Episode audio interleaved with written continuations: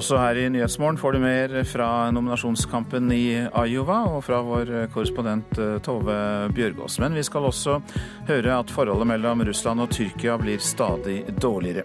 Telenor, som eier Kanal Digital, trekker alle reklamefilmer fra TV Norge. Og 75 000 har allerede sett filmen om Snåsamannen. I hans hjemtrakter Trøndelag går folk mann av huset. I studio i dag, Øystein Heggen.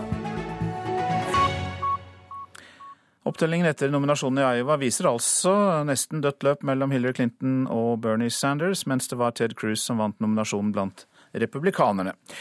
USA-korrespondent Tove Bjørgaas, du er også med her i Nyhetsmorgen. La oss ta demokratene først. Hva har skjedd der, siden Clinton og Sanders praktisk talt ender likt?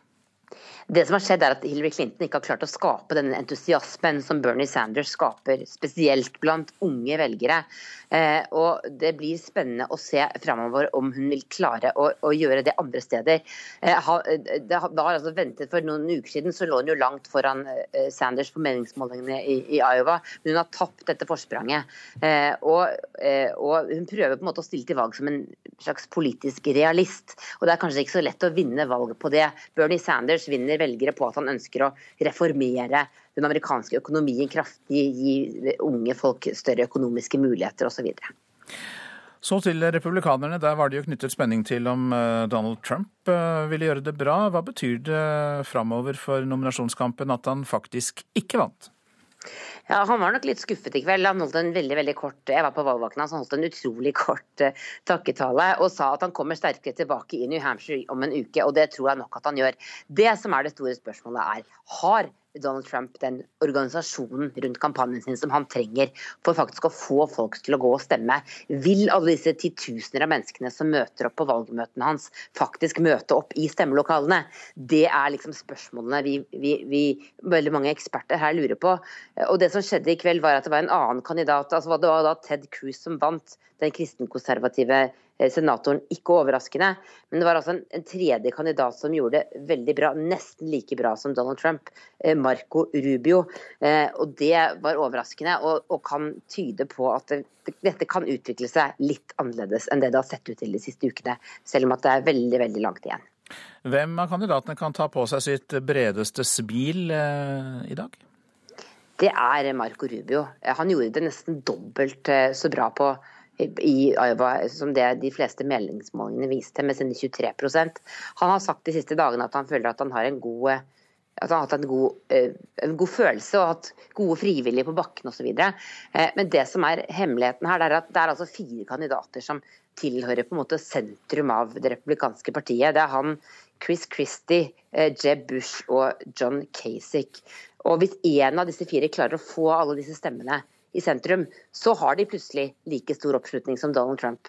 Og da eh, er det en, helt annen konkurranse vi ser på. Det skal bli veldig spennende å se eh, framover hva som skjer. Først altså i New Hampshire om, eh, om, en uke, men så videre i store delstater som f.eks. Florida og Texas, som kommer om noen uker. Eh, hvordan vil det gå eh, med sentrum der, og hvordan vil det gå med med Donald Trump. Det, det, er veldig veldig annerledes eh, denne nominasjonskampen enn det vi er vant til. Så, så, eh, men, og Derfor fikk vi også, som, som, det ofte er, noen overraskelser i nattens valg. Nominasjonskampen, nå ruller den definitivt videre etter starten i Iowa. Takk skal du ha, USA-korrespondent eh, Tove Bjørgaas. Forholdet mellom Russland og Tyrkia nå, det blir dårligere. I går innførte tyrkiske myndigheter nye begrensninger for hvor mange russiske lastebiler som får kjøre inn i landet, mens Russland har sendt nye og mer moderne jagerfly til basen i Syria, som ligger like ved grensen mot uh, Tyrkia. Korrespondent Morten Jentoft i uh, Moskva, kan du fortelle oss sammenhengen mellom det som nå skjer, og Tyrkias beskyldninger om at russiske fly igjen har krenket tyrkisk territorium? Ja, dette det kom jo på fredag da disse beskyldningene fra eh, Tyrkia om at et av de russiske jagerflyene som er basert på denne Hemeimin-basen eh, i eh, Latakia-provinsen, eh, var inn over grensen til eh, Tyrkia. Ikke riktignok så lenge, men nok til at tyrkiske myndigheter reagerte. Dette blir jo da blankt avvist fra eh, det russiske forsvarets talsmann Igor Konasjenkov, som sier at dette er ren propaganda. Men men han sier da samtidig, eller han bekrefter det som flere aviser skrev her i går, at russerne nå har sendt sine mest moderne Su-35 jagerfly da, til Syria, til denne basen, for ytterligere da på en måte å styrke sin tilstedeværelse og også styrke sin kontroll over luftrommet over Syria. For med denne eh, kan du si, eh, deployeringen av disse moderne jagerflyene, pluss at man også da har eh, dette moderne antiluftskytssystemet S-400 på plass på denne basen, så er det i praksis i dag Russland som har full kontroll over luftrommet over Syria. Og det er jo en ytterligere bekreftelse på eh, si, den militære oppbyggingen som pågår i dette området, og der eh, Russland og Tyrkia faktisk nå står, nå står overfor hverandre. Og så til flyktningsituasjonen i grenseområdet mellom Syria og Tyrkia. Den er forverret, og der mener Tyrkia at Russland spiller en rolle? Ja, eh, det gjør de. Eh, der er det jo i dette området hvor disse, eh, denne turkmenske minoriteten i Syria bor. Der kommer det nå meldinger om at flere tusen av disse er på vei over grensen mot Syria. På flukt fra framrykkende syriske regjeringsstyrker, som da støttes av russiske jagerfly. Jeg var jo selv i dette området for to uker siden og så at de syriske regjeringsstyrkene har tatt kontroll over flere strategiske byer der. Sånn at der er det nå i ferd med å oppstå en ny eh, flyktningebølge av turkmenere, som da eh, trekker over grensen til, til Tyrkia. Ja, Turkmenerne er jo beslektet med tyrkerne, og det vil nok også øke spenningen i dette grenseområdet. Til slutt, hva slags betydning kan alt dette som skjer mellom Russland og Tyrkia ha for fredsforhandlingene som pågår om Syria? Ja, det er klart at Tyrkia og Russland er jo eh, sentrale aktører i det som skjer i, eh, i Genéve. Og en forverring av forholdet mellom Tyrkia og Russland det gjør jo ikke situasjonen bedre. Det er jo en strid under disse forhandlingene. Hvem er det som skal delta? Eh, hvem kan man akseptere ved forhandlingsbordet eller i korridorene i Genéve. Og her har jo eh, Tyrkia og Russland eh, ofte svært motstridende synspunkter, bl.a. når det gjelder kurdernes plass under disse forhandlingene her. Sånn at eh, det forverrede forholdet mellom Tyrkia og Russland det kan spille en svært viktig, ja, kanskje nesten en avgjørende rolle for framgangen i disse forhandlingene. Takk for den rapporten fra deg, Morten Jentoft i eh, Moskva. Hjem igjen til noe mer prosaisk, men likevel irriterende. Mer enn halvparten av dem som dulter borti en parkert bil, stikker nemlig av uten å melde fra om påkjørselen. Det viser tall fra forsikringsselskapet Gjensidige. Terje Rønning fikk bilen sin ødelagt mens den sto parkert utenfor huset i Porsgrunn. Her står bilen parkert. Det er tydelig ifølge oppretteren også at den er blitt truffet to ganger. Døra gikk nesten ikke an å lukke igjen, så det er såpass kraftig. Det er ikke noen som bare har dulta borti og ikke lagt merke til det sjøl? Nei, det her har de merka, garantert. Terje Rønning er oppgitt og frustrert. Skadene langs siden av bilen er kraftige og kostbare. Hvite merker har satt sitt preg på bilen flere steder. Det er vel som alle andre som har vært i samme situasjon. Veldig ergerlig og frustrerende. Ja. Ja, dette kjenner vi godt til. Det skjer eh, litt for ofte, og det skjer eh, daglig. Og det er veldig mange som opplever dette gjennom året. Det sier Arne Wold, informasjonssjef i Gjensidige.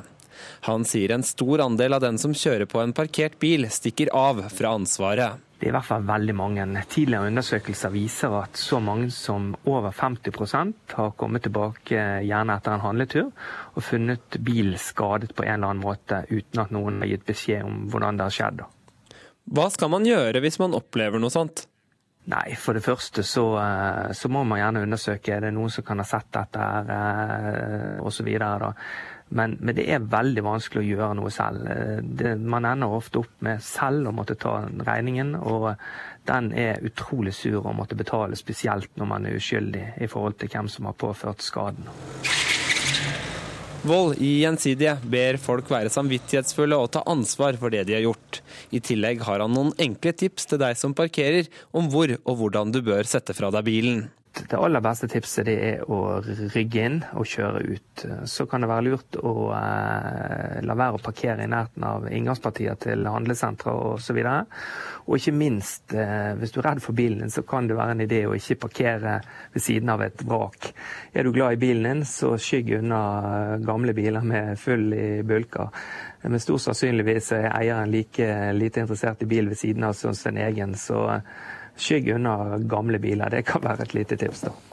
Tilbake i Porsgrunn har Terje Rønning nesten gitt opp håpet om å finne den som kjørte på bilen hans. Mistanken min er jo da til en hvit kassebil som har eh, vært her og lagt igjen mye hvit, dårlig lakk på bilen min. Du er også fotballdommer. Kan det være at noen tar en hevn for en dårlig avgjørelse? Nei, det tror jeg ikke. Nei, det har jeg veldig liten tro på. Terje Rønning til reporter Stian Vårsø Simonsen. Avisene nå. Handelskrigen med Russland koster Norge dyrt. Nedgangen i fiskeeksporten var på hele 99% fra 2014 til i fjor. Det er dyrt å være streng med de store gutta, sier fiskeoppdretter Helge Møgster til Klassekampen. VG har besøkt laboratoriet i Brasil som fant Zika-viruset. Der mener de at det er risiko for at det sprer seg til Europa. Verdens helseorganisasjon har slått alarm, for i Sør- og Mellom-Amerika er fire millioner mennesker rammet.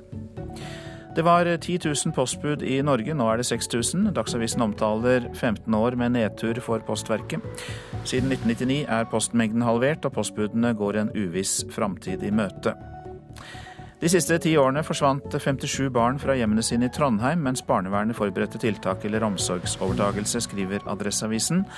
Og det var da mistanke om fysisk mishandling eller underernæring i flere av sakene. 90% av barna hadde ikke norsk bakgrunn, og færre enn halvparten er kommet til rette igjen. Flere av oss eh, samler hverdagshistorier fra egen familie gjennom dokumentarfilmer. Vårt Land forteller om 25 år gamle Anton Ligården, som har laget en dokumentar om sin 85 år gamle bestefar Anton, omtalt som en sliter av den gamle skolen. Ønsker man å adoptere barn fra Filippinene, må man være kristen. Det får vi vite i avisa Dagen. Filippinske myndigheter krever kirketilhørighet og anbefaling fra en prest. Søkere med humanetisk bakgrunn blir ikke godkjent for adopsjon. Sylvi Listhaugs melding til asylsøkerne er at de må yte, ikke bare nyte, skriver Dagbladet. Listhaug sier at vi skal tenke både med lommeboka og hjertet, og at lommeboka er viktigst. Fjern karakterjaget på videregående skole, det er oppslaget i Aftenposten. Elevorganisasjonen og Norsk studentorganisasjon ønsker at studentene tas inn på videre studier basert på opptaksprøver, intervjuer og motivasjonsbrev, ikke bare på karakterer fra videregående. Coop registrerer en kraftig vekst i salg av økologisk mat, får vi vite i Nasjonen. Kjedens miljøsjef Knut Lutnes sier salg av økologisk frukt, grønt, egg og melk går veldig bra. Norges Fotballforbund håper at generalsekretæren i det europeiske fotballforbundet Uefa, eh, Giano Infantino, kan samle Fifa dersom han skulle bli forbundets nye president. Og eh, Vedkommende skal jo velges i slutten av januar, for Sepp Latter er utestengt. Norsk fotballpresident Yngve Hallén ønsker at Norden skal samle seg bak Infantino, og i går la sveitseren fram sin plan for eh, sine første 90 dager om han skulle vinne. It will be done in 90 days. Gianni Infantino får det travelt om han blir Fifas nye president den 26. februar. Og dersom Yngve Hallén får det som han vil, blir Infantino nettopp det, med hele Nordens støtte. Hans hovedpunkt her er at han skal skape Fifa gjennom dialog med alle eh, medlemsorganisasjonene. Hos oss så står han eh, sterkere, og det har vi eh, også fortalt innad i Norden. Og vi ønsker at vi skal få en felles støtte fra Norden rundt eh, Infantino. Det er noe som vi jobber med. Infantino har flere år som generalsekretær i Uefa bak seg, og Hallén tror at eh, sveitseren vil dra god nytte av den erfaringa. Ha regionale møter der en ikke sitter 209 eller 54 i lag, men der det er mindre grupper. Eh, der de får diskutert strategiene. Dette har han og Uefa har hatt suksess med de siste årene. og Dette er det han vil også ta med seg inn i, i Fifa. I'm convinced that the general secretary of FIFA should not be European. Why not an African? Dersom han blir valgt, skal Infantino utnevne en generalsekretær i løpet av de første 90 dagene, og han vil ikke være fra Europa. Det vil være første gang i Fifas historie, et tiltak Hallén støtter. Når vi har en president fra Europa, så er det naturlig at eh, generalsekretæren eh, kan komme fra en annen plass. Infantino kjemper mot bl.a. prins Ali Hussein av Jordan og sørafrikanske Tokyo Sexvalei. Men Hallén tror Infantino er den sterkeste kandidaten. Vi er også avhengig av at andre eh, ønsker å være med på det laget og spille i lag etterpå en ny president er valgt. og Da har vi tro på at Infantino er den som kan samle det. Og reporter her var Henrik Agledal. Klokka er 6.48. Dette er hovedsaker. Opptellingen etter nominasjonen i Iowa viser at det er nesten dødt løp mellom Hillary Clinton og Bernie Sanders. Blant republikanerne er stemmene talt opp, og der vant Ted Cruz med nærmere 28% mens Donald Trump kom på andreplass med drøyt 24% Og vi har hørt at mer enn halvparten av dem som dulter borti en parkert bil, stikker av uten å melde fra om eh, påkjørselen. Ukraina skal stemme over et grunnlovsforslag som skal sikre mer desentralisert makt. Det er ment å motvirke korrupsjon og styrke representativitet. Sentrale EU-land har presset på for å få gjennom denne grunnlovsendringen, mens Russland er mot. Stortingspresident Olemic Thommessen, du er med oss fra Ukraina. God morgen. Ja, god morgen. Hvorfor er det viktig å være med å endre grunnloven i Ukraina? Nei, det er klart at uh, den ukrainske grunnloven har mange svakheter på, på, flere områder, men sett med europeiske øyne så det, handler jo dette om representativitet, og dermed også å finne en vei for uh, et mer skal vi si, forent uh, Ukraina og en løsning i forhold til konflikten med Russland. I tillegg så er det også slik at dagens uh, grunnlov åpner for korrupsjon på en måte som er eh, veldig vanskelig å håndtere. Du leder en delegasjon med nordiske og baltiske parlamentsmedlemmer. Og eh, hva ser dere som de største utfordringene for eh, kollegene i det ukrainske parlamentet? Det handler jo om at det er veldig svak partistruktur her. og det er de har ikke noen eh, lange demokratiske tradisjoner. Så det er nokså svak forståelse av hvordan rollefordelingen mellom regjering og eh, nasjonalforsamling skal være. Altså hvordan maktfordelingen kan fungere på en god måte. Eh, partiene er litt skal jeg si, de er ganske bredt, Noen er veldig bredt sammensatt, og noen er nokså ekstreme. og Det gjør at det er tidvis eh, vanskelige samarbeidskonstellasjoner. Og det å finne frem til eh, gode løsninger er nok eh, litt så som så hvordan det kan fungere. Så her er det mange svakheter å ta tak i. Er det noe Norge spesielt kan bidra med? Ja, Vi bidrar jo med kunnskap og erfaring, og vi kan også tjene som et eksempel. Jeg tror kanskje særlig det siste. Vi har jo hatt eh, mange parlamentarikere på besøk eh, fra Ukraina til Norge. Iallfall to delegasjoner har vi hatt på et spesielt tilrettelagt eh, opplegg, der de får innsyn i f.eks. hvordan rollefordelingen mellom regjering og storting for vårt vedkommende er da. Hvordan forholdet til det juridiske, altså domstolene, er. Pressens rolle. Komitéarbeid og ikke minst også parlamentets eh, forskjellige kontrollfunksjoner, slik vi har det i kontrollkomiteen eller hos Sivilombudsmannen. Jeg tror også særlig at de baltiske statene har eh, gode erfaringer å dele. De har jo også en nokså lignende historie, men har jo på en helt annen måte lykkes i sine prosjekter. Og, og det er nok fint å kunne dele både de gode og de dårlige erfaringene med, med de baltiske parlamentene. Mange takk for at du var med oss eh, fra Ukraina. Og du er altså da eh, delegasjonsleder, eh, stortingspresident Olemic Thommessen, for parlamentarikere fra Norden og Baltikum. Takk skal du ha. Telenor, som eier Kanal Digital, trekker alle sine reklamefilmer fra TV Norge og alle søsterkanalene, og det skjer med umiddelbar virkning. Kanal Digital skrudde av sendingene natt til i går, da partene ikke greide å bli enige om hva kanalene skal koste å distribuere. Det gikk jo veldig raskt, det der. Vi har fått sånn 4G fra Telenor. vet du. Fra nå av blir det ikke lenger noen reklamefilmer fra Telenor å se på TV Norge, 5, Max eller de andre kanalene fra Discovery-konsernet. Det bekrefter kommunikasjonsdirektør i Telenor-eide Kanal Digital, Kenneth Kjønaas Pettersen. Han avviser likevel at dette blir gjort som en del av den pågående konflikten mellom Discovery og TV-distributøren. Vi gjør ikke dette for å bruke det som pressmiddel. Eh, dette kommer som en konsekvens av at eh, nedslagsfeltet til TV-kanalene er så dramatisk forandret. Og Derfor må vi gå til det skrittet og trekke reklamen fra TV Norge og Max og de andre Discovery-kanalene. De 13 norske TV-kanalene i Discovery-systemet mistet plutselig halvparten av seerne sine da Kanal Digital stoppet sendingen av alle sammen, etter at partene ikke greide å bli enige om prisen på en ny distribusjonsavtale. Strategirådgiver for mediebransjen, Lasse Gimnes, har liten tro på at reklameboikotten fra Norges største annonsør kun handler om å få valuta for annonsekronene. Vi blør godt og tape millioner av kroner.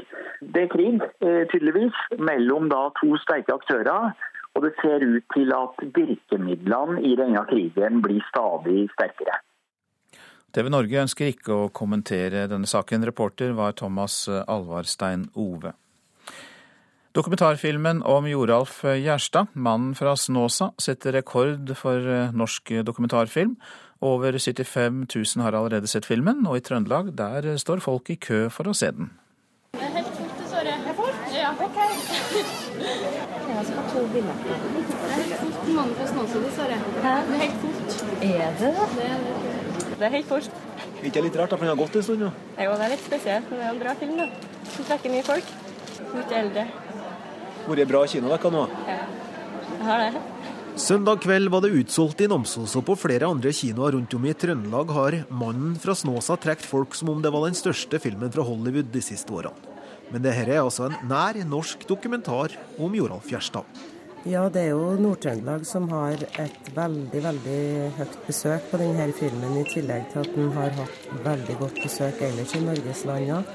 Eh, Til sammen faktisk eh, 74 000 besøk i Norge på ja, to helger og ei uke, så det er jo helt uh, utrolig bra.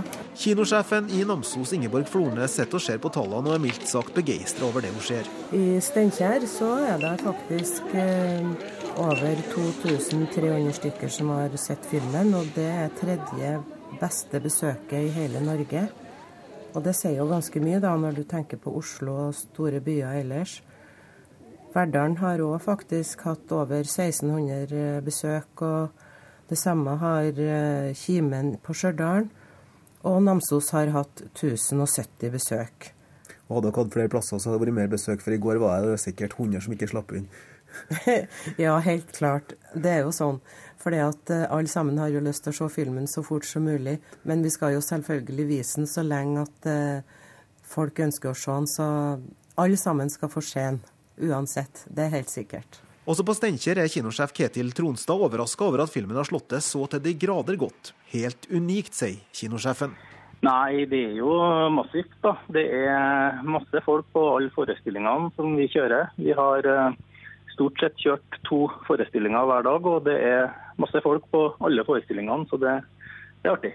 Det er jo tydeligvis en film som har mange årsaker til at folk ønsker å gå og se den. Og jeg tenker jo det at uh, her er vi i Joralf-land, da, for å si det litt uh, dumt på en måte. Men uh, det er jo en sannhet at veldig mange har et personlig forhold til Joralf Gjerstad. Og reportasjen var laget av Kjartan Trana. Så tar vi for oss værvarselet fram til midnatt. Langfjella sør for Haukeli. Vestlig periodevis sterk kuling utsatte steder og snøbyger. Fra seint i ettermiddag nordvest liten kuling og lettere vær, men fortsatt noen snøbyger i vestlige områder. Så til Langfjella nord for Haukeli, Jotunheimen, fjellstrøkene Trollheimen, Strynefjellet, fjellstrøkene Dovrefjell, svenskegrensa og Rondane. Litt snø, vesentlig da i Langfjella, ellers mest opphold. Fra ettermiddag enkelte snøbyger.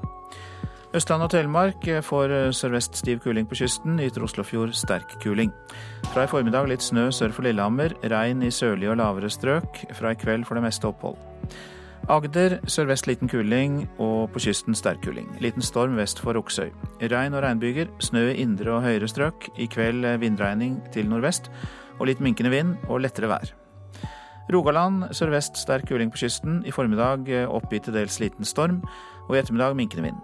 Regn, snø i høyden. I kveld nordvest oppe i sterk kuling på kysten og enkelte regnbyger, og det blir snø i høyereliggende strøk i Rogaland. Og vi går til Hordaland, med sørvest opp til sterk kuling utsatte steder, men minkende etter hvert. Regn, men som snø ned mot 100 meter, faktisk. I ettermiddag øking til nordlig oppe i stiv kuling på kysten. Enkelte regnbyger og snø i indre og høyereliggende strøk. Sogn og Fjordane enkelte regnbyger, snø i indre og høyereliggende strøk. I ettermiddag nordlig liten eller stiv kuling på kysten. Møre og Romsdal liten nordøst kuling i sør. Enkelte regnbyger, snø i indre og høyereliggende strøk. Trøndelag enkelte regn snøbyger, kort og godt. Nordland og Troms enkelte snøbyger i ytre strøk, men ellers delvis skyet oppholdsvær. Finnmark stedvis sørvest liten kuling på kysten i østlige områder av fylket. Det blir enkelte snøbyger i Finnmark, vesentlig da i kyststrøkene.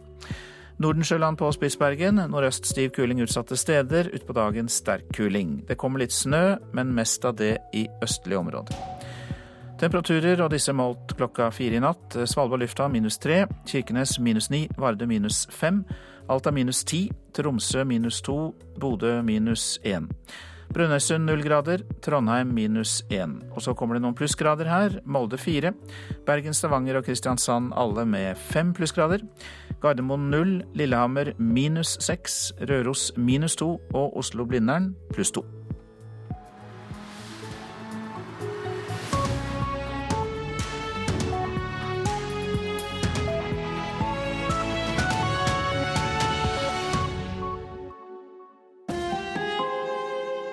Hør ekko. Gjenopptakelseskommisjonen skal være et ekstra sikkerhetsnett for uskyldig dømte. Ja, jeg tenker at det gir en veldig falsk trygghet. Det er som å være linedanser, og så sier man at det er et nett under, men det er det ikke. Du faller 1000 meter ned, og du, du, du knuses. Det handler om vår rettssikkerhet i Ekko. Ekko 9 til 11 i NRK P2. Ted Cruz har vunnet det republikanske nominasjonsvalget i Iowa, men i den demokratiske leiren er det svært jevnt. Forbrukerrådet advarer mot en ny datingapp. Her er NRK Dagsnytt klokka sju ved Anders Borgen Werring. Ja, Det er altså svært jevnt mellom de demokratiske kandidatene etter nominasjonsvalget i den amerikanske delstaten Iowa i natt. Hillary Clinton ser ut til å ha fått 49,9% av stemmene, mot Bernie Sanders 49,6. Clinton oppfordrer de demokratiske velgerne til å stå sammen. We may have differences of opinion about how best to achieve our goals, but I believe we have a very clear idea that the Democratic Party and this campaign stands for what is best in America. And we have to be united. Blant republikanerne så var det Ted Cruz eh, som fikk flest stemmer. Cruz fikk 28% Donald Trump drøyt 24% og Marco Rubio 23% av stemmene. I sin takketale på valgvaken tilegnet Cruz seieren til Gud, og brukte tiden til å markere avstand til Washington. God bless the great state of Iowa. Let me first of all say, to God be the glory. Tonight is a victory for every American who's watched in dismay as career politicians in Washington in both parties refuse to listen and too often fail to keep their commitments to the people. I natt seiret alle amerikanere som er skeptiske til karrierepolitikerne i Washington, og som nekter å lytte til folket, sa Cruz. Det blir reportasjer og kommentarer til presidentvalgkampen i Nyhetsmorgen på NRK P2 og Alltid nyheter rett etter Dagsnytt.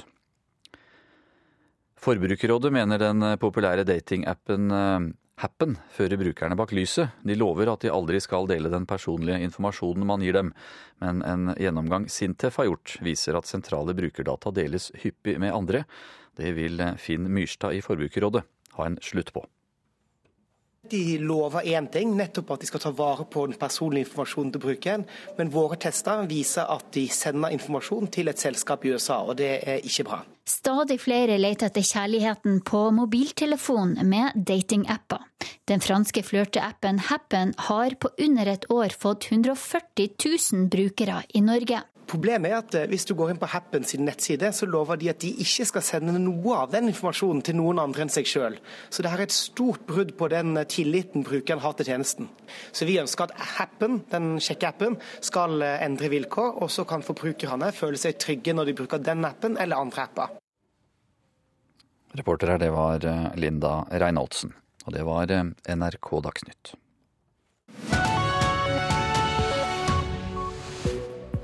Nyhetsmorgen fortsetter med disse sakene. Hardner kampen virkelig til mellom demokratene Clinton og Sanders, og er Trump på vei ut av republikanernes dragkamp? Ja, vi kommenterer nominasjonsvalget i Iowa her i Nyhetsmorgen. Minst ti jenter under seksuell lavalder kom sammen med sine ektemenn til Norge i fjor. Det viser tall fra UDI. Innvandrings- og integreringsminister Sylvi Listhaug kommenterer i Nyhetsmorgen. Vi skal høre at den tyske innvandringsdebatten blir stadig hardere, og brannvesenet frykter katastrofale følger dersom det oppstår brann i Kvinneseitunnelen eller Hegebostadtunnelen på Sørlandsbanen. Da kan vi slå fast at valgsirkuset i USA er i gang, og det var godt oppmøte da innbyggerne i Iowa i natt flokket til skoler og grendehus for å nominere presidentkandidater på sin særegne måte. USA-korrespondent Tove Bjørgaas møtte en lang kø utenfor Callinan barneskole i Des Moines.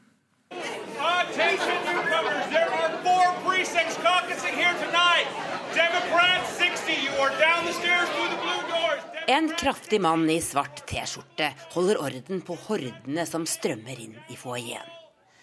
Hei, nykommere, vi har to republikanske og to demokratiske valgmøter her, roper han.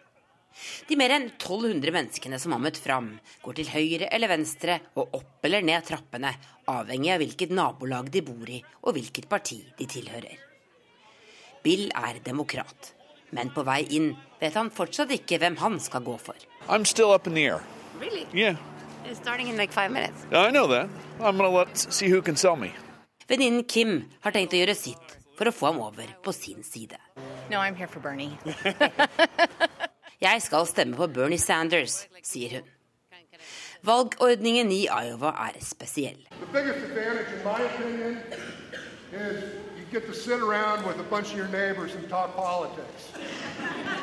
Inne i gymsalen har mer enn 600 demokrater tatt plass på tribunen. Snart beveger de seg til ulike ender av rommet, avhengig av om de støtter Bernie Sanders eller Hillary Clinton. I midten sitter en skokk med unger som er med for å lære om demokratiet sitt. Oh, I think it's really awesome. Like, this is my first time that. Tolv år gamle Mary synes det er spennende. Yeah, I like Hillary Clinton. Why? Yeah. I just think that she has a lot of experience, and I agree with a lot of her ideas. Hillary Clinton har drevet valgkamp her i flere år allerede, men fikk altså knallhard konkurranse av sosialisten Bernie Sanders i natt. Det er nesten akkurat like mange på hver side av gymsalen vi er i, når alle har funnet ut hvem de skal stemme på. Til slutt vinner Hillary Clinton med fattige tre stemmer. I andre etasje er det republikanerne som nominerer. På vei ut møter jeg Kelly Still. Han heier på Ted Cruz, men det var en annen som vant valgmøtet Kelly har vært på. Uh, Marco Rubio. Are you surprised? No, a little bit surprised. Um, my candidate Cruz came in second, so. Det ble en stor kveld for Rubio. Uh, I think he has a much better head start going to the next states now, because this is a big win for him. So we shall see. Han kan gjøre det veldig bra videre. Kanskje kan han samle sentrum i partiet, spår Kelly, før han forsvinner ut i vinterkvelden. Let me first of all say, to God be the glory. Blant republikanerne er Ted Cruz den erklærte vinneren. Senatoren fra Texas fikk 28% av stemmene, og mente en republikaner måtte til for å rydde opp etter Obama. Tonight is a victory for every American who understands that after we survive eight long years of the Obama presidency, that no one personality can right the wrongs done by Washington. Det ble tett mellom to andre republikanske kandidater, nemlig Donald Trump som fikk 24 og Marco Rubio rett bak med 23 Trump sa han var beæret. We finished second, and I want to tell you something. I'm just honored. I'm really honored. And I want to congratulate Ted, and I want to congratulate all of the incredible candidates. Congratulations. I just want to thank my family. They have been so amazing and so supportive. Og reporter her, det var Marit Kolberg, og så hørte vi jo da vår USA-korrespondent Tove Bjørgaas eh, før eh, det. Hilde Restad, hjertelig god morgen. God morgen. Du har jo forsket på amerikansk politikk og følger den tett. Arbeider som førsteamanuensis ved Bjørknes eh, høgskole. Og for å ta demokratene først, var det forventet at Bernie Sanders eh, fikk nesten like mange stemmer som Clinton? Det var jo det nå, fordi det har jo vært jevnt i meningsmålingene en god stund. Men det var jo ikke det for noen måneder siden. Og det er klart at det at Bernie Sanders er helt jevnt med Hillary Clinton i Iowa, det er jo en kjempestor seier for Sanders. Hvordan har den selverklærte sosialisten eh, klart det? Bernie Sanders er litt, det er litt som 2008, hvor Bernie Sanders spiller Barack Obama og Hillary Clinton spiller seg sjøl. Men, eh, men, Bernie Sanders er en mye eldre, mye hvitere, mye eh, mer hva man skal si, spesiell utgave av Barack Obama. Men han har jo klart å få stemmene til de yngre og de som er mer i ytre, høyre, unnskyld, ytre venstre i partiet. Vi skal høre eh, litt fra Hillary Clintons reaksjon her. We may have differences of opinion about how best to achieve our goals. But I believe we have a very clear idea that the Democratic Party and this campaign stands for what is best in America. And we have to be united. Ja, vi må stå samlet. Jeg lurer nå på det, om det ikke blir heller en mye tøffere kamp etter dette? Det er klart det gjør jo det, og Bernie Sanders har jo gjort en kjempejobb med å samle inn penger. Og det kommer jo bare til å fortsette nå. I 2008 så holdt jo Hillary Clinton ut til juni. Og nå er vi altså bare da i januar, og det ser jo ikke ut til at Bernie Sanders kommer til å gi seg med det første, så det her kan bli kjempetøft på den demokratiske sida. La oss ta den republikanske siden, da. Donald Trump han fikk jo mye omtale, ikke minst for sine uttalelser før um, dette nominasjonsmøtet, men endte på andreplass etter Ted uh, Cruz. Uh, betyr det at han er på vei ut, Trump? Det, man har lært seg at man ikke skal spå om hva Donald Trump kommer til å gjøre. Men det var en som amerikanske journalister bemerka på Twitter at uh, nå har Donald Trump fått gratis, altså 100% mediedekning i et halvt år, og allikevel så kommer han på andreplass i Iowa. Så det er jo ikke så veldig imponerende, egentlig. Og det var jo, vi hørte jo Donald Trumps tale var jo usedvanlig, uh, nesten ydmyk. Og så har vi Ted Cruz, eh, som altså da kom på førsteplass. Hva forteller eh, det om hvilken politikk eh, republikanerne vil ha? Det, klart, eh, Ted Cruz er jo en veldig konservativ senator fra Texas. Evangelisk kristen, kan man kanskje si. Han har jo drevet en ett og et halvt år lang valgkamp i Iowa og kultivert de konservative kristne i Iowa. Sånn sett så eh, Det er klart at det, den fløyen finnes i det republikanske partiet, men den er veldig prominent i Iowa. Sånn at det sier jo at han er en kandidat som, etter, som eh, frir til det ytre høyre i det republikanske partiet, og med suksess. Det er jo ikke sikkert at han allikevel klarer å få nominasjon. Og en solid tredjeplass til Marco Rubio. Han må vi også si litt om på slutten. Ja, nå har Marco Rubio-kampanjen drevet og mast om at det er Marco Mentum på gang. Og det har jo ikke vært det, men i dag kan vi vel slå fast at nå er det litt Marco Mentum på gang. Han gjorde det mye bedre enn det man hadde trodd, og det er klart at de her nominasjonsvalgene er veldig mye et expectations game, forventningsspill. Og nå har Marco Rubio slått forventningene, så nå kommer det til å handle mye om han frem mot New Hampshire. Jeg må også høre hvor du plasserer han politisk sammenlignet med de to andre, altså Trump og Cruz. Det er jo et uvanlig år i det republikanske partiet hvor folk som man kanskje vanligvis ville sagt er veldig konservative og mot ytre høyre, nå blir plassert i midten, som f.eks. Marco Rubio, fordi at det er så mange andre lenger til høyre. Mange takk for at du kom til oss, Hilde Restad, som altså er førsteamanuensis ved Bjørknes høgskole og følger den amerikanske politikken tett. Minst ti jenter under seksuell lavalder kom sammen med sine ektemenn til Norge i fjor. Det viser tall fra UDI. Den yngste blant dem er en jente på elleve år, sier direktør Mari Trommal i Barne-, ungdoms- og familiedirektoratet. Vi ser jo selvfølgelig veldig alvorlig på at eh, barn under 18 år står i risiko for seksuelle overgrep eller tvang og voldsbruk. Tall fra UDI og Bufdir viser at 61 barn under 18 år var gift da de kom til Norge som asylsøkere i fjor. De fleste fra Syria, Irak og Afghanistan, sier Trommald. Og blant disse barna er minst ti jenter under seksuell lavalder. Den yngste er elleve år. Hva skjer når eh, dere oppdager eh, så unge jenter som eh, er gift? Vi rådgir barnevernstjenesten i den enkelte kommune om å gå inn i den enkelte saken for å forebygge at barn utsettes for, for seksuell omgang, for tvang eller på en måte andre ting som er uakseptabel i henhold til norsk lov. Og da vil det iverksettes tiltak knyttet til hvert enkelt tilfelle. Mentale skybak i Redd Barna etterlyser klare retningslinjer for hvordan slike saker skal håndteres. Det som må på plass nå, er gode rutiner og gode retningslinjer for hvordan eh, etatene skal eh, håndtere disse sakene når de blir avdekket. Men er de gode nok, disse hjelpeapparatene sånn som de er? I dag så kan det være at man eh, famler litt og ikke vet helt hva man skal gjøre. Man er usikker på hvem som har ansvaret eh, når det kommer nye problemstillinger. Men eh, Redd Barna mener at man må holde hodet kaldt og forholde seg til barnerettighetene. Og sikre at også disse barna får ivaretatt sine barnerettigheter på en god måte. Men hun er enig i at hver sak som gjelder barneekteskap, bør vurderes individuelt individuelle vurderinger i forhold til hva som er til det beste for det enkelte barnet. Og For å foreta de individuelle vurderingene, så må man også snakke med barnet og høre barnet eh, og barnet sin sak. Så det er ikke alltid riktig at eh, barnet blir skilt fra sin ektemann, f.eks.? Nei, Redd Barna mener at man skal foreta individuelle vurderinger her, og, og til, som er til barnets beste. I henhold til Barnekonvensjonen. Reportere her Hibba Sarmadawi og Svein Olsson.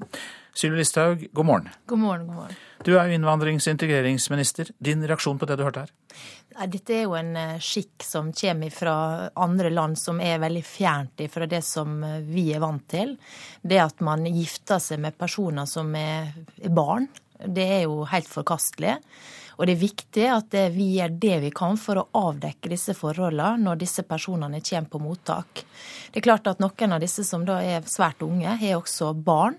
Og Det gjør jo at dette her er ytterligere eh, komplisert, men også svært viktig at vi griper fatt i og sørger for å avdekke f.eks. tvangsekteskap. Det er jo grunn til å tro at noen har måttet gifte seg med en eldre mann kanskje med tvang. Og Da syns jeg det er viktig at vi griper inn, for tvangsekteskap er ulovlig i Norge. Og vi skal heller ikke akseptere at personer kommer hit og er blitt utnytta på den måten uten å gripe inn. Vi hørte jo her at uh, Tale Skybakk i Redd Barna sier at uh, vi famler litt i håndteringen av slike saker. Hvilke retningslinjer finnes? Ja, UDI har retningslinjer som sier det at når du er under 16 år, så skal man gi opplysninger til politiet. Disse personene skal også da tas hånd om av barnevernet. Man blir plassert på barnevernsinstitusjoner. Når det gjelder de som er over 16, så vil man da føre samtaler med disse personene. Og i de tilfeller der det er grunn til å tro at de f.eks. er utsatt for tvangsekteskap, eh, og for så vidt ellers også, så meldes man fra til politiet dersom man, eh, man mener det er behov for det. Men så når det er sagt, så mener jeg at dette her er det absolutt grunnlag for å se nærmere på om retningslinjene er gode nok. Det er UDI sjøl sagt sagt, så de er i gang med å, med å, se på det. For det som er viktig, er at vi får disse ulike etatene til å samarbeide. UDI, det enkelte mottak, politiet og barnevernet. Og der er jeg helt sikker på at vi kan bli bedre. Bør mennene som kommer med koner under 16 år straffes? Ja, det er godt mulig at det er en vei å gå. Altså, det er klart det er jo forbudt etter norsk lov f.eks. å inngå tvangsekteskap. Nå er dette skjedd før man kommer til Norge. slik at eh, det må... I et annet miljø under andre lover. Ja. ja. Men likevel så mener jeg at det er helt uakseptabelt at man eh, har tatt og gjort den type handlinger. Og når man kommer til Norge, så må man innrette seg etter norsk lov, det som er norsk skikk og bruk, norske verdier. Og da er det klart at vi skal ha nulltoleranse for tvangsekteskap, og vi skal også ha nulltoleranse for barneekteskap. Men det kan jo være vel så traumatiserende i visse tilfeller at de skilles, også da for barnet? De, ja, er det, det noen tilfeller hvor de kan få fortsette å leve sammen? Ja, jeg mener jo det at man skal være ganske restriktiv på det. I hvert fall hvis det er snakk om tvangsekteskap, så må man jo følge opp disse sakene dersom man eh, ønsker å bryte ut av ekteskapet, f.eks. Når man er under 16, så mener jeg man ikke under noen omstendighet skal bo sammen. Her er det lovverket i Norge som setter rammer for det, og som betyr at man er under alle aldersgrenser som innebærer at man skal bo sammen. Eh, så, så her er det viktig at norsk lov er, er grunnlaget for det. Eh, og så er det klart når man er over 16 eh, og man har barn, så kan det være saker som skal behandles annerledes. Men praksis i dag er at man kan bo på samme mottak, men ikke på samme rom. Så her må man bare håndtere sakene så best man kan. Og individuelt? Ja, det er jo en individuell vurdering på mottakene. Men eh, som hovedpraksis så tenker jeg at man må finne ut av hva behov den enkelte har. Man må avdekke om det er foregått det som etter norsk lov er kriminelle handlinger. Og så må man følge opp dette her eh, på en god måte deretter. Takk skal du ha, Sylvi Listhaug, innvandrings- og eh, integreringsminister. Klokka er 7.18. Dette er eh, hovedsaker. Minst ti jenter under seksuell lavalder kom altså sammen med sine ektemenn til Norge i fjor. Det viser tall fra UDI. Det er svært jevnt mellom de demokratiske kandidatene etter nominasjonsvalget i den amerikanske delstaten Iowa. Hillary Clinton ser ut til å ha fått 49,9% mot Bernie Sanders 49,6 Blant republikanerne var det Ted Cruz som fikk flest stemmer. Cruz fikk 28% Donald Trump drøyt 24 og Marco Rubio 23%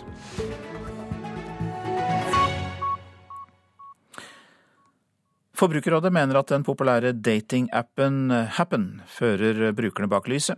De lover at de aldri skal dele den personlige informasjonen man gir dem, men eh, så er det slik at en gjennomgang forskningsgruppen Sintef har gjort, viser at sentrale brukerdata deles hyppig med andre. Og det vil Finn Myrstad i Forbrukerrådet ha en slutt på. De lover én ting, nettopp at de skal ta vare på den personlige informasjonen til brukeren. Men våre tester viser at de sender informasjon til et selskap i USA, og det er ikke bra. Stadig flere leter etter kjærligheten på mobiltelefon med datingapper. Den franske flørteappen Happen har på under et år fått 140 000 brukere i Norge. Den gir beskjed hvis noen man har lignende profil med, kommer i nærheten. Men personlig informasjon som navn, kjønn, hvem man liker, alder osv.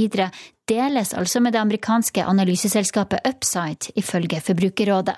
Stikk i strid med både egne løfter og norske lover, mener altså fagdirektør i Forbrukerrådet Finn Myrstad. Problemet er at eh, hvis du går inn på Happen sin nettside, så lover de at de ikke skal sende noe av den informasjonen til noen andre enn seg sjøl. Så det er et stort brudd på den eh, tilliten brukeren har til tjenesten. Er dette alvorlig, slik som dere ser det? Ja, vi mener det er veldig alvorlig. og Det bryter både med forventningene som forbrukeren har til tjenesten, men det bryter også sannsynligvis med veldig mange norske lover. Vi er i dialog med franske myndigheter og norske myndigheter, og kanskje til og med amerikanske myndigheter. Så vi ønsker at Happen, den sjekkeappen, skal eh, endre vilkår, og så kan forbrukerne føle seg trygge når de bruker den appen eller andre apper. Happen avviser kritikken fra Forbrukerrådet. Det amerikanske analysebyrået Upside brukes av Happen internt kun for å forstå hvordan flørteappen brukes. Persondataene kan ikke leses av andre, skriver konsernsjef Didier Rapaport i en e-post til NRK. Verken e-postadresser eller etternavn er under noen omstendighet synlig for andre. Vi tar privatlivet til våre kunder svært alvorlig, og prøver kun å tilby den beste brukeropplevelsen på Happen. Forbrukerrådet går nå sammen med Sintef gjennom en rekke apper for å sjekke hvordan forbruker- og personvernet blir ivaretatt. Rapporten fra app-kampanjen ventes klar før påske. Appene må også skjerpe språkbruken sin, så man skjønner hva de gjør, mener Finn Myrstad i Forbrukerrådet. For veldig ofte når man eh, skriver under på en sånn enighetsavtale, når man eh, går inn på en ny app, så er det jo veldig mange sider med, med vanskelig språk. Går det an å forstå dette her for folk flest? Nei, det gjør ikke det. Og Det er derfor vi gjør denne jobben her, for å gjøre det enklere for folk. Eh, og også holde selskapene ansvarlige. Når de skriver lange, uforståelige avtaler, så må de vite at noen leser de. Men vi forventer ikke ikke at eh, folk flest skal lese de, fordi avtalene er skrevet på en måte som ingen forstår. Og det var Linda Reinholdsen og Johan Bakkan Settem som var reportere her. Vi eh, tar en titt på avisene. Handelskrigen med Russland koster Norge dyrt. Nedgangen i fiskeeksport var på hele 99% fra 2014 til i fjor. Det er dyrt å være streng med de store gutta, sier fiskeoppdretter Helge Møgster til Klassekampen. VG har besøkt laboratoriet i Brasil som fant Zika-viruset. Der mener de at det er en risiko for at det sprer seg til Europa. Verdens helseorganisasjon har slått alarm, for i Sør- og Mellom-Amerika er fire millioner mennesker rammet. Det var 10 eh, 000 postbud i Norge, nå er det 6000. Dagsavisen omtaler 15 år med nedtur for Postverket. Siden 1999 er postmengden halvert, og postbudene går en uviss framtid i møte. De siste ti årene forsvant 57 barn fra hjemmene sine i Trondheim mens barnevernet forberedte tiltak eller omsorgsovertakelse, skriver Adresseavisen. Det var mistanke om eh, fysisk mishandling eller underernæring i flere av sakene. 90% av barna hadde ikke norsk bakgrunn, og færre enn halvparten er kommet til rette. Flere av oss samler hverdagshistorier fra egen familie gjennom dokumentarfilmer. Vårt Land forteller om 25 år gamle Anton Ligården, som har laget en dokumentar om sin 85 år gamle bestefar Anton Ligården. Og han blir omtalt som en sliter av den gamle skolen. Ønsker man å adoptere barn fra Filippinene, må man være kristen, får vi vite i avisa Dagen. Filippinske myndigheter krever kirketilhørighet og anbefaling fra en prest. Søkere med humanetisk bakgrunn blir ikke godkjent for adopsjon. Sylvi Listhaugs melding til asylsøkerne er at de må yte, ikke bare nyte. Det skriver Dagbladet. Hun sier at vi skal tenke både med lommeboka og hjertet, og at lommeboka er viktigst. Fjern karakterjaget på videregående skole er oppslaget i Aftenposten. Elevorganisasjonen og Norsk studentorganisasjon ønsker at studenter tas inn på, på videre studier basert på opptaksprøver, intervjuer og motivasjonsbrev, ikke bare karakterer fra videregående. Coop registrerer en kraftig vekst i salget av økologisk mat, får vi vite i Nasjonen. Kjedens miljøsjef Knut Lutnes sier salget av økologisk frukt, grønt, egg og melk går veldig bra. Det kan få katastrofale følger hvis det oppstår brann i eh, Kvinnesveitunnelen eller Hegebostadtunnelen på Sørlandsbanen, mener brannsjef Jon Inge Aasen. Brannvesenet i Mandal har ikke utstyr til å komme inn i tunnelene eller slokke en brann i tog, sier han. Konsekvensene de vil være katastrofale hvis en får en ulykke med en, et tog inn i en tunnel. Eh, sånn som En vanlig røykdykker han er operativ i som bortimot en halv time med, med røykdykkerutstyr. Det betyr at når vi er kommet halvveis, er vi tom for luft. Jernbaneverket har nylig foretatt en risiko- og beredskapsanalyse av fem utpekte brannobjekter på Sørlandsbanen. Områdesjef Stian Vesøy i Sørlandsbanen avviser brannsjefens bekymringer. Ikke grunn til å være bekymret. Så vi føler at det er like trygt å kjøre tog inne i en av de lange tunnelene som ute på fri linje. Reporter Kjell Pedersen. En 15 år gammel gutt og to 14 år gamle jenter stjal i natt en bil i Ålesund og kjørte over 200 km, fulgt av politi med blålys, og ble til slutt stoppet med spikermatte i Eidsvågen på Sunnmøre. Politiet fulgte bilen på trygg avstand og forsøkte gjentatte ganger å stoppe biltyvene. Så ble det til slutt altså da lagt ut eh, spikermatte. Tysk innvandringsdebatt blir stadig tøffere. Det innvandringskritiske partiet Alternativ for Tyskland er nå tredje største parti, og det innføres stadig flere omstridte tiltak rundt om i landet. Live aus Berlin. Das Thema bei Anne Will. Misstrauen, Ängste, Verbote. Kippt die Stimmung gegen Flüchtlinge? Guten Abend, meine Damen und Herren. Herzlich willkommen. Ich freue mich, dass Sie da sind. Mistro, engstelse og forbud er stemningen mot asylsøkerne i ferd med å tippe over. Det var tema i det populære talkshowet Anne Will, som hver søndag samler tyskerne rundt den største TV-kanalen ARD. Og innvandringen er det altoverskyggende i alle tyske debatter nå for tiden. Etter overgrepene i Köln på nyttårsaften blir stadig nye omstridte tiltak satt i verk. I Bornheim utenfor Bonn ble mannlige asylsøkere nektet å komme inn i svømmehallen etter klager fra kvinnelige badegjester. Dieses Verbot nicht leicht gefallen, weil ich genau weiß, dass ich damit den allermeisten Unrecht tue. Jeg vet at dette er urettferdig, men jeg ser ikke noen annen mulighet, sa Markus Schnapka fra bystyret i Bornheim da han fortalte beboerne på asylmottaket om det nye midlertidige forbudet. Men Bornheim er ikke de eneste. I Freiburg ønsker også et utested å få lov til å nekte mannlige asylsøkere adgang, også det etter klager fra kvinnelige gjester. Borgermesteren i Freiburg, Dieter Salomon fra De Grønne, vil ikke forsvare utestedets ønske, men mener man nå også må erkjenne at mange er redde, og at man må snakke om det. Hvorvidt man kan innføre forbud som dette, reiser imidlertid svært mange rettslige spørsmål.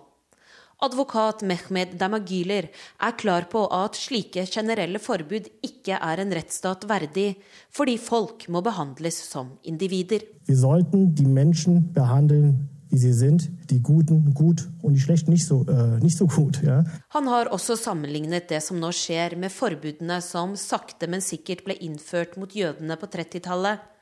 Også de ble utestengt fra svømmehaller etter sitat 'uønskede hendelser'. Samtidig som debatten raser, fyker det innvandringskritiske partiet Alternativ for Tyskland opp på meningsmålingene. Partiet er nå det tredje største i Tyskland, med 13% oppslutning. Guri Nordstrøm, Berlin. Du lytter altså til eh, Nyhetsmorgen, og produsent i dag det er eh, Vidar Eidhammer. Her i studio Øystein Heggen. Vi skal besøke Kenyas eh, minste folkegruppe som bor ved Turkana-sjøen etter Dagsnytt. De trues nå av en demning som bygges langt borte i Etiopia. Privatisering av Statkraft er tema for debatten i Politisk kvarter mellom Høyres Nikolai Astrup og Senterpartileder Trygve Slagsvold Vedum. Og til Politisk kvarter kommer også Sylvi Listhaug, der hun først og fremst skal snakke om integrering og ikke innvandring denne gang. Og så tar vi med oss at det kan være smart å koble seg opp på nettstedet radio.nrk.no. Der får du alle NRKs radiokanaler, og du kan også hente fram tidligere sendte programmer. Og den er til og med så smart at du kan spole deg tre timer tilbake og høre på Nyhetsmorgen sånn ja, i 10-11-tiden i formiddag, f.eks. For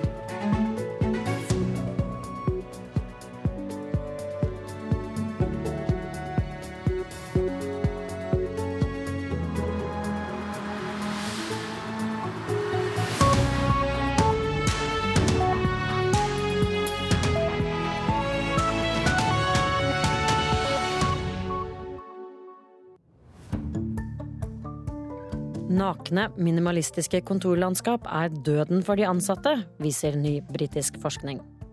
Kontorarbeidere blir både lykkeligere og mer produktive av kunst og planter de får pynte med selv.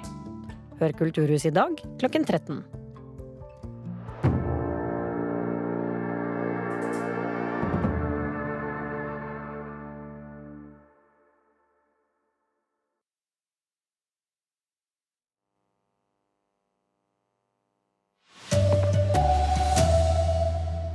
Ted Cruz er republikansk vinner i det første nominasjonsvalget i USA. Blant demokratene er det dødt løp. Flere barnebruder kom til Norge i fjor. Den yngste jenta var bare 11 år. Forbrukerrådet advarer mot en ny datingapp. God morgen, her er NRK Dagsnytt klokka 7.30 ved Anders Borgen Werring. Valgsirkuset i USA er altså i gang, og det var godt oppmøte da innbyggerne i Iowa i natt flokket seg på skoler og grendehus for å nominere presidentkandidater på sin særegne måte. USA-korrespondent Tove Bjørgaas møtte en lang kø utenfor Callanan barneskole i Des Moines.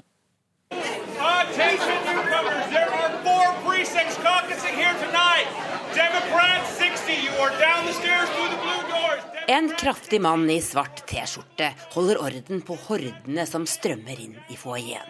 De mer enn 1200 menneskene som har møtt fram, går til høyre eller venstre og opp eller ned trappene, avhengig av hvilket nabolag de bor i og hvilket parti de tilhører. Bill er demokrat, men på vei inn vet han fortsatt ikke hvem han skal gå for. I'm still up in the air. Really? Yeah. It's starting in like five minutes. I know that. I'm gonna let see who can sell me.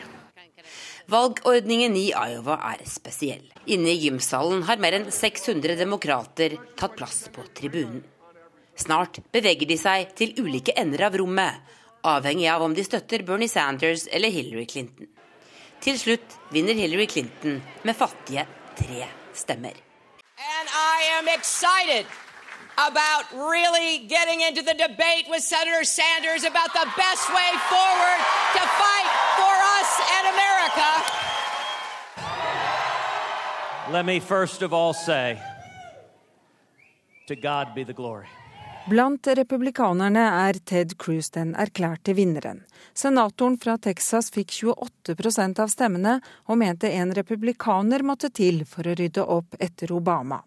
Tonight is a victory for every American who understands that after we survive eight long years of the Obama presidency, that no one personality can right the wrongs done by Washington. Det ble tett mellom to andre republikanske kandidater, nemlig Donald Trump som fikk 24 og Marco Rubio rett bak med 23 Trump sa han var begjæret. I'm really honored. And I want to congratulate Ted, and I want to congratulate all of the incredible candidates. Congratulations. Utenriksmedarbeider eh, Marit Kolberg eh, om republikanerne. Tove Bjørgaas, du er med oss fra Iowa nå. Hvorfor vant Ted Cruz og ikke Donald Trump? Fordi han er veldig populær blant de kristne, konservative velgerne her i Iowa. Og fordi han hadde en bedre operasjon, tror jeg, på bakken. Flere frivillige som sørget for at folk gikk for å stemme i natt. Og så er det mer spennende på demokratisk side. Hvorfor er det så jevnt i den leiren? Det er fordi Hillary Clinton ikke klarer å skape den entusiasmen blant velgerne som Bernie Sanders klarer å skape. Hun har tapt den store ledelsen hun hadde her i Iowa. Eh, og nå skal de videre til New Hampshire, og der eh, ligger Bernie Sanders veldig godt an på meningsmålingene. Så hun er nødt til å gjøre noe dersom hun skal klare å overbevise demokratene. Ikke minst fordi det store overraskelsen i natt det var at Marco Rubio kom på tredjeplass i det republikanske valget. Eh, og han er en kandidat som jeg tror eh, kan være framtida til det republikanske partiet. Han er mer moderat enn både Cruz og eh, Trump, og, vil, og, sa at han ønsker å samle partiet og vil kunne bli en veldig farlig utfordrer for Hillary Clinton dersom han skulle klare å ta nominasjonen. Det er nye nominasjonsmøter om en uke. Hva betyr disse resultatene for hva som skjer der? Det som vi så i natt, var at det kom en overraskelse i form av Marco Rubio, og at, og at, eh, Donald Trump ikke gjorde det så bra som det vi hadde trodd. Og Det er ofte det som skjer i disse valgene. Det, det, det, skjer noen ting som gjør at det er litt mer spennende ved neste valg. Om en uke i New Hampshire er det andre typer velgere. Der er det eh, sannsynlig at både Bernie Sanders og Donald Trump vil gjøre det veldig bra. Men ingenting er altså skrevet i stein eh, her. Og, og, og etter det så kommer det da store delstater hvor det kan få helt andre utslag. Og Det vi også har gjort i natt, er at vi nå har to færre kandidater. Én republikaner og én demokrat trakk seg i natt. Eh, Martin O'Malley på demokratisk side legger inn årene, og det gjør også Mike Huckabee blant republikanerne. Takk til eh, Tove Bjørgaas. Minst ti jenter under seksuell lavalder kom sammen med sine ektemenn til Norge i fjor. Det viser tall fra UDI. Den yngste blant dem er ei jente på elleve år, sier Marit Romal i Barne-, ungdoms- og familiedirektoratet. Vi ser jo selvfølgelig veldig alvorlig på at eh, barn under 18 eh, år står i risiko for eh, seksuelle overgrep. Tall fra UDI og Bufdir viser at 61 barn under 18 år var gift da de kom til Norge som asylsøkere i fjor. De fleste fra Syria, Irak og Afghanistan, sier Trommald. Og blant disse barna er minst ti jenter under seksuell lågalder. Den yngste er elleve år.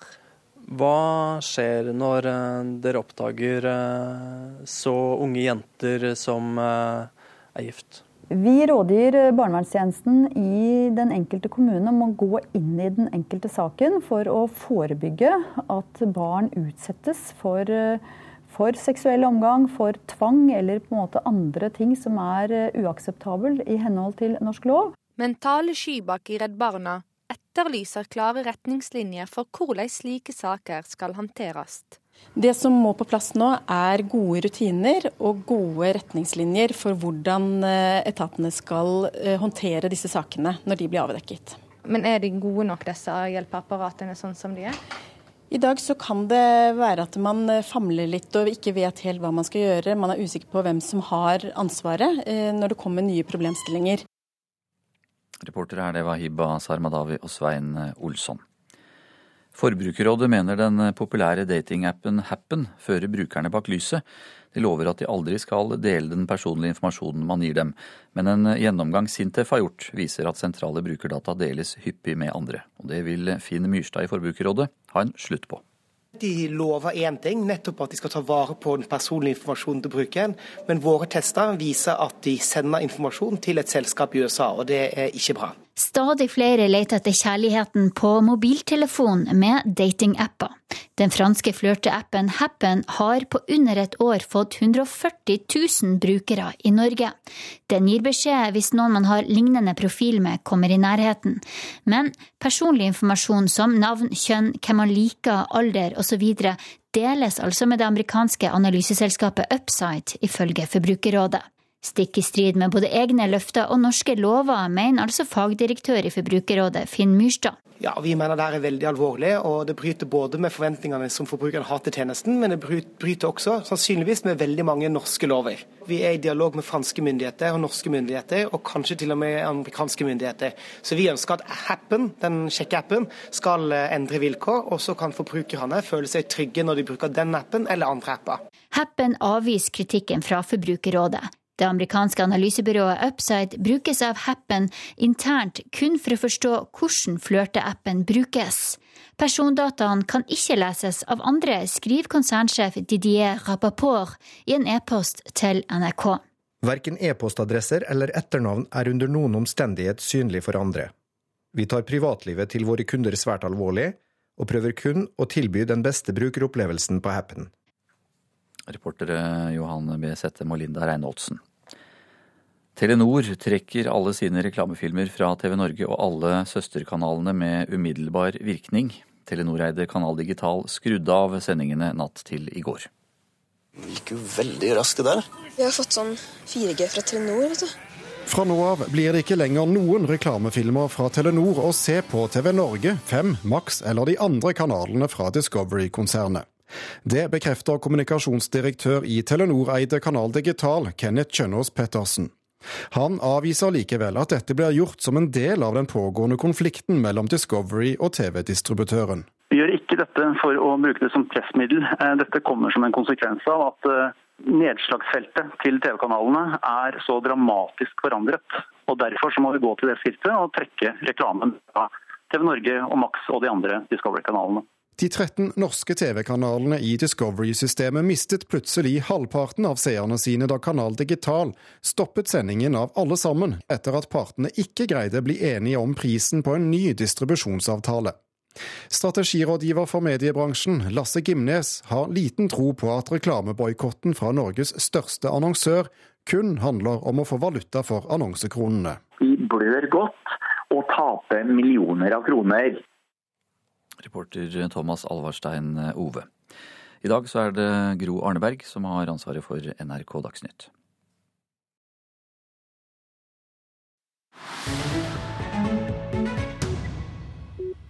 Nyhetsmorgen tar turen til bredden av Turkanasjøen i Kenya, for der bor nemlig dette landets minste folkegruppe.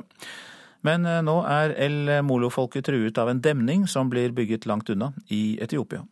Afrikakorrespondent Kristine Presthun har besøkt folket som bor i dette ørkenlandskapet.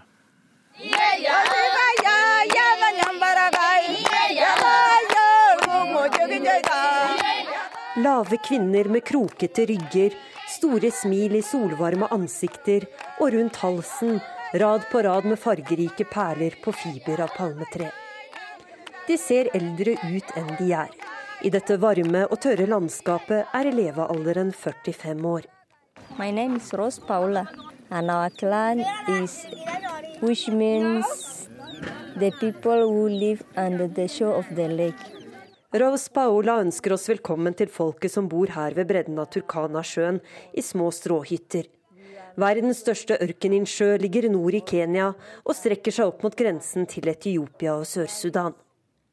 Paula er stolt av å bo her ved sjøens bredde og tilhøre Kenyas minste folkegruppe, El Mollo, fiskefolket.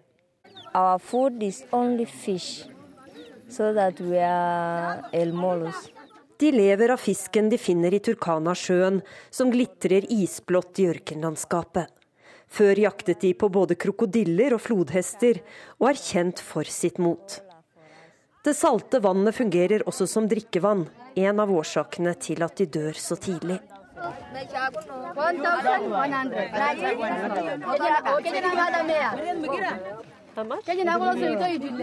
Kvinnene byr fram håndlagde stråkurver og smykker i regnbuens farger. Det kan ikke være mye de tjener på de få turistene som tar den krevende turen hit. Det tar to døgn på en humpete landevei fra hovedstaden Nairobi. Mentalt er det en evighet herfra til skyskraperen i storbyen. I have four children. All are girls. Rose Paola forteller at hun har fire barn. Nå venter hun det femte. Det er viktig å bringe slekten og El Mollo-folket videre.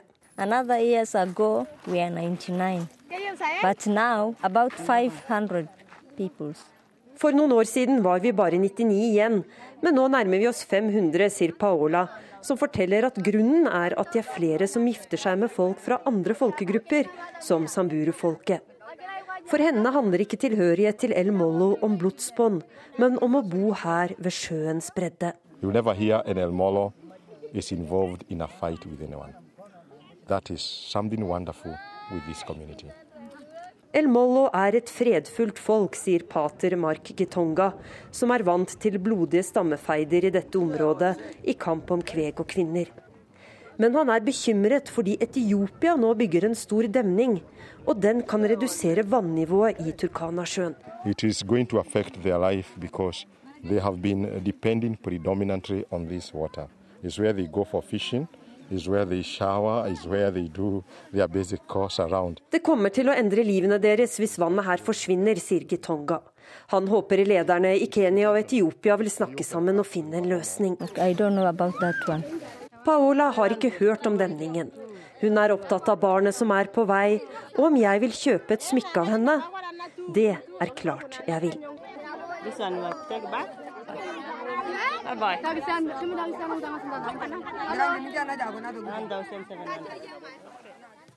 Du lytter til Nyhetsmorgen, og dette er hovedsaker. Nominasjonsvalget i Iowa ble, der ble det dødt løp mellom demokratene Hillary Clinton og Bernie Sanders. Clinton fikk 49,9% av stemmene, mens Sanders fikk 49,6. Men fintelling av stemmene fortsetter. Blant republikanerne var det Ted Cruz som fikk flest stemmer, nemlig 28% Donald Trump fikk drøyt 24 og Marco Rubio fikk 23% av stemmene. Minst ti jenter under seksuell lavalder kom sammen med sine ektemenn til Norge i fjor. Det viser tall fra UDI. Den yngste blant dem er ei jente på 11 år, sier Mari Trommald i Barne-, ungdoms- og familiedirektoratet. Telenor trekker alle sine reklamefilmer fra TV Norge og alle søsterkanalene med umiddelbar virkning. Telenor-eide Kanal Digital skrudde av sendingene natt til i går, etter at partene ikke ble enige om kostnadene ved distribusjon av kanalene. Politisk kvarter nå ved Astrid Randen.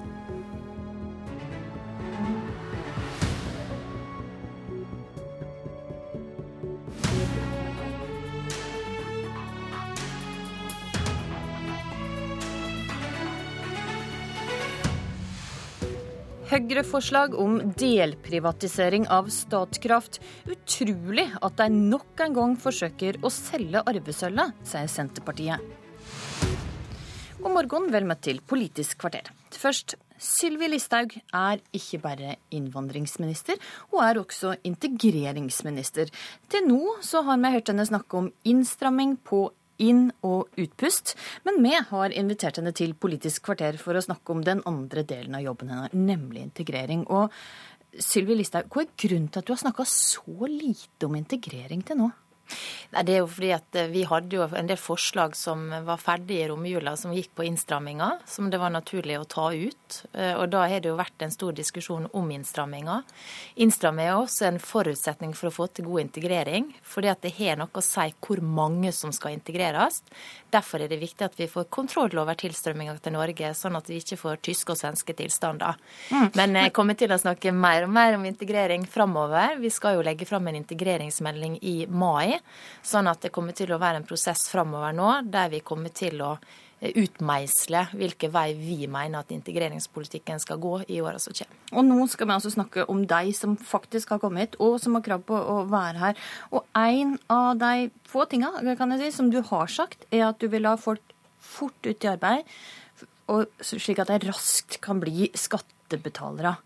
Hvordan skal du få til dette i praksis? I dag er det sånn i introduksjonsordninga at man gjerne i starten bruker mye tid i klasserommet på å sitte og lære norsk. Jeg tenker at det å kombinere klasseromsundervisning med å være ute på en arbeidsplass, der du kan være et del av et fellesskap, der du kan lære norsk arbeidsliv å kjenne, vil være en veldig god modell. Derfor så tenker jeg at når vi skal nå meisle ut politikken videre, så må vi få til en større grad av kombinasjon mellom norskopplæring og det å være ute på en arbeidsplass fra tidlig stadie.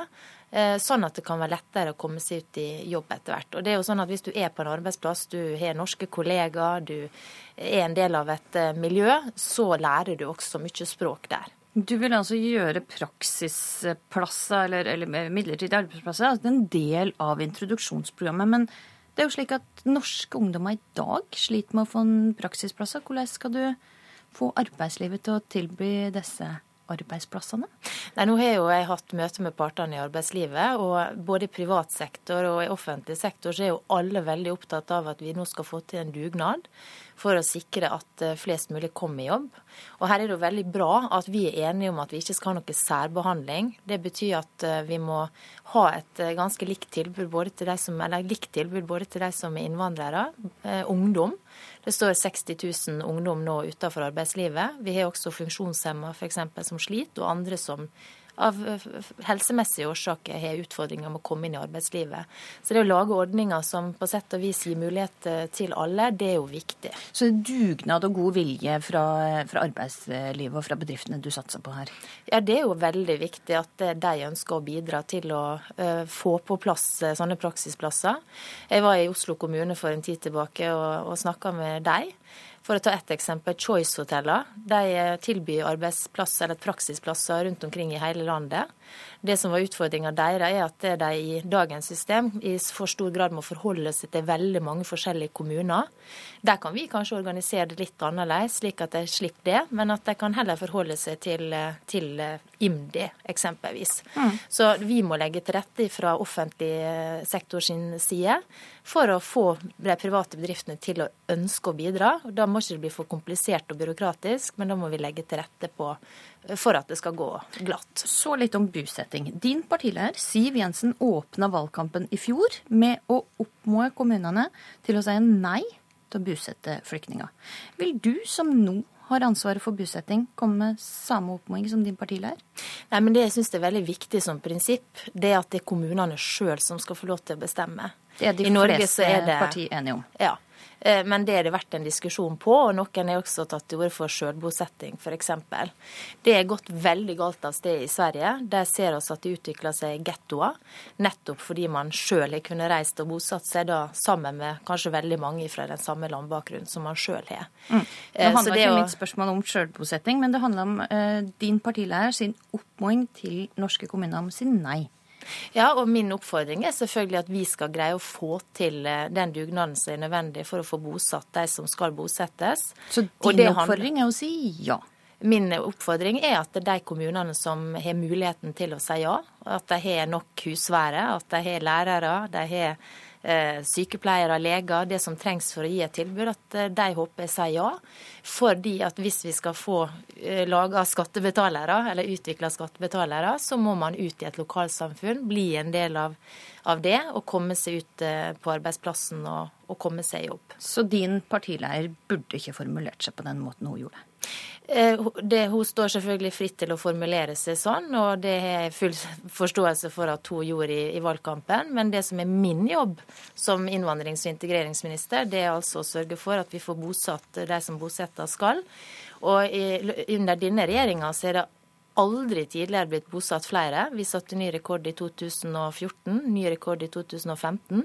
Og vi kommer definitivt til å sette ny rekord i 2016. Vi ligger an til å kunne bosette over 15 000 personer. Ønsker du at Norge skal være et flerkulturelt samfunn, eller vil du ha et samfunn der innvandrerne som kommer hit, følger den norske kulturen? Altså de, de, som kommer til Norge, kan gjerne ta med seg sin kultur, så lenge den er i tråd med norske lover, regler og de norsk, viktige norske verdiene. Men det vi ikke kompromisser på, det er en del forhold som ikke er lov i Norge. F.eks. er det sånn at tvangsekteskap er ulovlig, kjønnslemlestelse er ulovlig. Likestilling er et veldig viktig prinsipp i Norge. Kvinner skal ha samme rettigheter som menn. Samme muligheter til å ta utdannelse, samme muligheter til å være i arbeidslivet. Og vi vet at en del kommer fra steder der det slett ikke er vanlig, der eh, kvinner heller blir sett på som manns eiendom, som noe mindreverdig. Og det mener jeg er veldig viktig at vi slår ned på, og at vi sørger for at den type verdier og kulturelle eh, bakgrunn, eh, eller hva jeg skal si, at det ikke får lov til å leve videre i Norge. Sylvi Listhaug, integreringsminister og innvandringsminister, takk for at du kom til Politisk kvarter.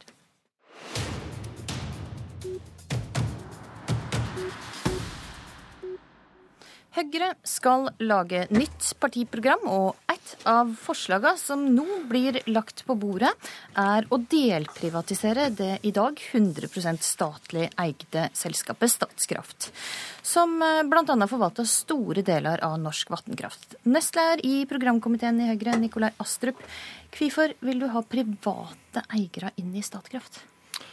Vel, Statkraft er jo en eh, europeisk fornybargigant. Og eh, sånn som verden ser ut i dag, så er det et stort behov for fornybar energi ute i verden. Eh, og Statkraft har et potensial til å bli en internasjonal fornybargigant. Hvorfor trenger vi private eiere? Jeg tenker at private, det er en forutsetning at vi også slipper til private eiere som kan bidra med både kapital, men også kompetanse og og nye impulser på eiersiden. Eh, og Vi ser et selskap som Telenor, som jo i sin tid, da det var statlig eid, hadde to millioner kunder, eh, ble delprivatisert, har nå 200 millioner kunder og er en internasjonal telegigant. Så selskapet har kjempepotensial, men det vi er opptatt av, er at kontantstrømmen eller verdiene fra de norske vannkraftverkene skal fortsatt tilfalle fellesskapet. Så dette er ikke et forslag om å selge ut det norske arvesølvet på noen som helst måte. Det skal fortsatt være Verdien av det skal fortsatt tilfalle fellesskapet og, og staten. Eh, men det handler altså om å kunne eh, la Statkraft vokse til å bli en internasjonal kraftgigant. Trygve Slagsvold Vedum, leder i Senterpartiet. Hva tror du blir eh, konsekvensen hvis en lett private eiere inn i Statkraft? Høyre prøver jo igjen og igjen nye forsøk på å delprivatisere norsk vannkraftsektor forrige programprosess så var Astrup veldig tydelig på at han ønska å oppheve hjemfallsretten, som har vært en bærebjelke i norsk kraftpolitikk siden starten av 1900-tallet. Men fikk ikke gjennomslag for det? Nei, heldigvis og takk og pris. Og så, i denne perioden, så har de klart å privatisere energisektorsatsinga til eh, Statskog, altså alle småkraft- og vannkraftverk som de eier. Bestemte regjeringa skulle selges ut, helt på det åpne markedet, privatiseres. Og Vi mener det er et spørsmål om hvem som skal eie Norge. Og vannkrafta er en evigvarende ressurs. Det har vært klokt at vi har hatt et stort statlig selskap og mange kommunale og, fylkeskommunale selskap rundt hele landet som har skapt masse verdier. Og Vi bør videreføre den modellen. Og vi har ikke behov for privat kapital inn i den sektoren. Det vi har behov for, er langsiktig og godt eierskap. Og det forunderlige med Høyre var at det, hvis du går to år tilbake i tid, så tilførte man 10 milliarder til Statkraft. Også i fjor høst, i en sen nattetime, så tapper man 5 milliarder fra Statkraft. Så de har hatt en veldig useriøs eierstyring som gjør at en store vindkraftprosjekt, store fornybarprosjekt som var liksom helt i startgropa, ble stoppa. Så når de styrer Statkraft på en så dårlig måte, og så etterpå kan de si jo, vi må ha en privat kapital, for staten styrer det for dårlig. De burde heller være opptatt av å forvalte det boet som er der. Det er vårt arvesølv, Statkraft og sørge for at det kan utvikle seg, istedenfor å skalte og valte, som det har gjort de siste åra. Det er jo riktig at Statkraft måtte måtte kansellere ei planlagt eh, utenlandsinvestering pga. at de plutselig fikk litt mindre penger enn de hadde tenkt. Ja, Vi tilførte jo da Statkraft 5 milliarder ekstra i egenkapital, og så eh, var det forespeilet 10 milliarder, det er riktig. Men over tre, de neste tre årene så kommer vi til å ta ut utbytte som tilsvarer de, de siste 5 milliardene. Statkraft kommer fortsatt til å ha en betydelig eh, mulighet til å satse både internasjonalt og hjemme, basert på den, den kapitalen de har i dag. Men jeg syns Trygve Slagsvold Vedum her eh, forsøker å unngå det som er kjernen i problemstillingen, nemlig skal vi slippe til private på eh, å la dem bidra til at Statkraft kan bli en internasjonal eh, fornybargigant. I dag er Statkraft Europas største fornybarselskap. Det er stor risiko forbundet med å gjøre investeringer i utlandet. Eh, og i dag er det norske skattebetalere som tar hele den risikoen. Jeg mener at hvis Statkraft skal fortsette den internasjonale ekspansjonen, så er det naturlig at vi deler den risikoen med private eiere, og at ikke norske skattebetalere skal ta hele eh, risikoen for det. Samtidig, og du mener altså at en kan garantere, bare, bare, for å forklare til det, for du mener at en kan garantere at norske fossefall og, og norsk vannkraft fortsatt skal være helstatlig eid? Private ja. skal ikke inn i den biten. Og Høres ikke det greit ut? da? Ja, så ser vi litt på historien nå. Vi ser allerede den perioden her med høyreregjeringa. Så har de da solgt ut alle Statskog sine vannkraftprosjekter.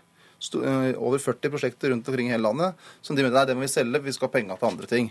Og den samme logikken at det er mye bedre å få inn da private aktører.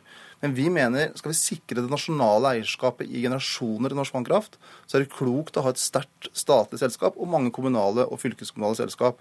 Og så endra vi hjemfallsretten Men stoler du ikke på når Astrup da hevda at de private de skal bare inn i den internasjonale biten av eh, Statkrafts virksomhet? Ja, men jeg har sett hva de har gjort eh, tidligere i denne perioden. Da. Altså på den andre kraftselskapet har de allerede privatisert, altså i, i Statskog. De ønsker også heller privatisere alle skogeiendommene i tillegg.